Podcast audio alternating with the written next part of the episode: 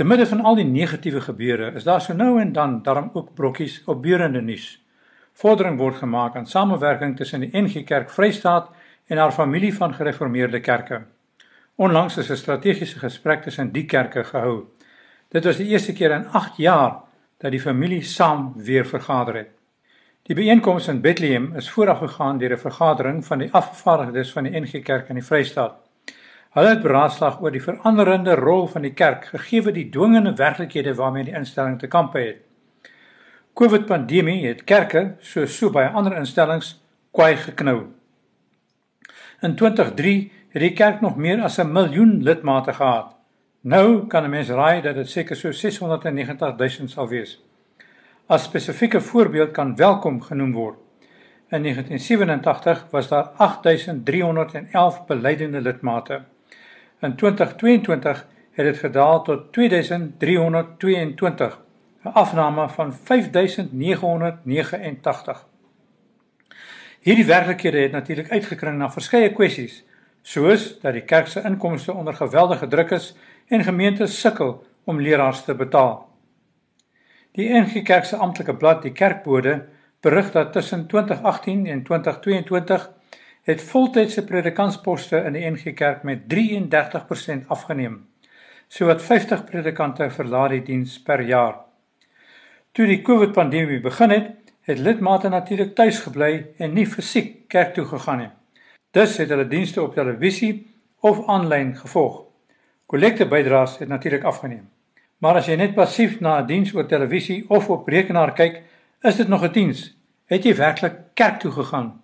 Dis 'n kwessie waaroor die algemene sinode van die gereformeerde kerke ernstig debat gevoer het die afgelope week. In die Bethlehem byeenkoms van die Vrystaat streeksinode van die NG Kerk was die gasspreker Barend Legrandsie van die beweging Dialoog vir Aksie. Hy het daarop gewys dat die kerk en gemeenskappe binne dieselfde werklikhede staan en selfverantwoordelikheid moet aanvaar om die lot van mense te verlig. Die kerk is in 'n besonderse posisie om alle gemeenskappe te help daadwerklik 'n morele samelewing te skep en nasionale kohesie te bevorder. By monde van die voorsitter, Dominee Jan Lubbe, het die vergadering besluit dat die NG Kerk Vrystaat haar daartoe verbind om uit te reik na alle mense in hulle omgewing en draers te wees van hoop en vrede. Een puntjie van kritiek was dat die NG Kerk al jare worstel oor kwessies soos selfde geslagverhoudinge terwyl daar vele ander dringender sake is. Na 'n dag se gesprek het verteenwoordigers van die ander familiekerke aangesluit. Dit is deur almal gesien as 'n groot deurbraak. Die byeenkoms het in goeie gees plaasgevind.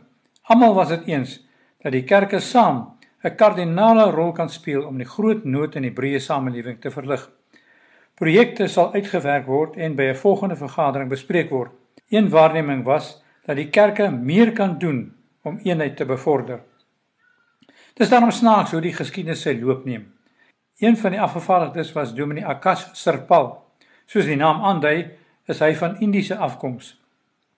In die apartheidsera as sulke mense verbied om in die Vrystaat te oornag. Hulle moes in een dag in en uit die Vrystaat ry. Maar nou is Dominee Akash met oop arms in die Vrystaat verwelkom en 'n mens kan jou kwaliek voorstel dat daar destyds sulke reëls was. Dominee Akash Sirpal praat met trots oor die werk van Gift of the Givers se Dr. Imtiaz Suliman. Dis 'n burgerlike organisasie wat al wêreldwyd naam gemaak het met vinnige en doeltreffende hulp aan gemeenskappe wat in rampe of konflik vasgevang is. Dit sê Dominee Sirpal, is die soort ding wat kerke ook kan doen. Hoopelik kan die toenadering tussen die gereformeerde kerke die weg baan om saam te help bou aan die land wat ons almal graag saam wil hê.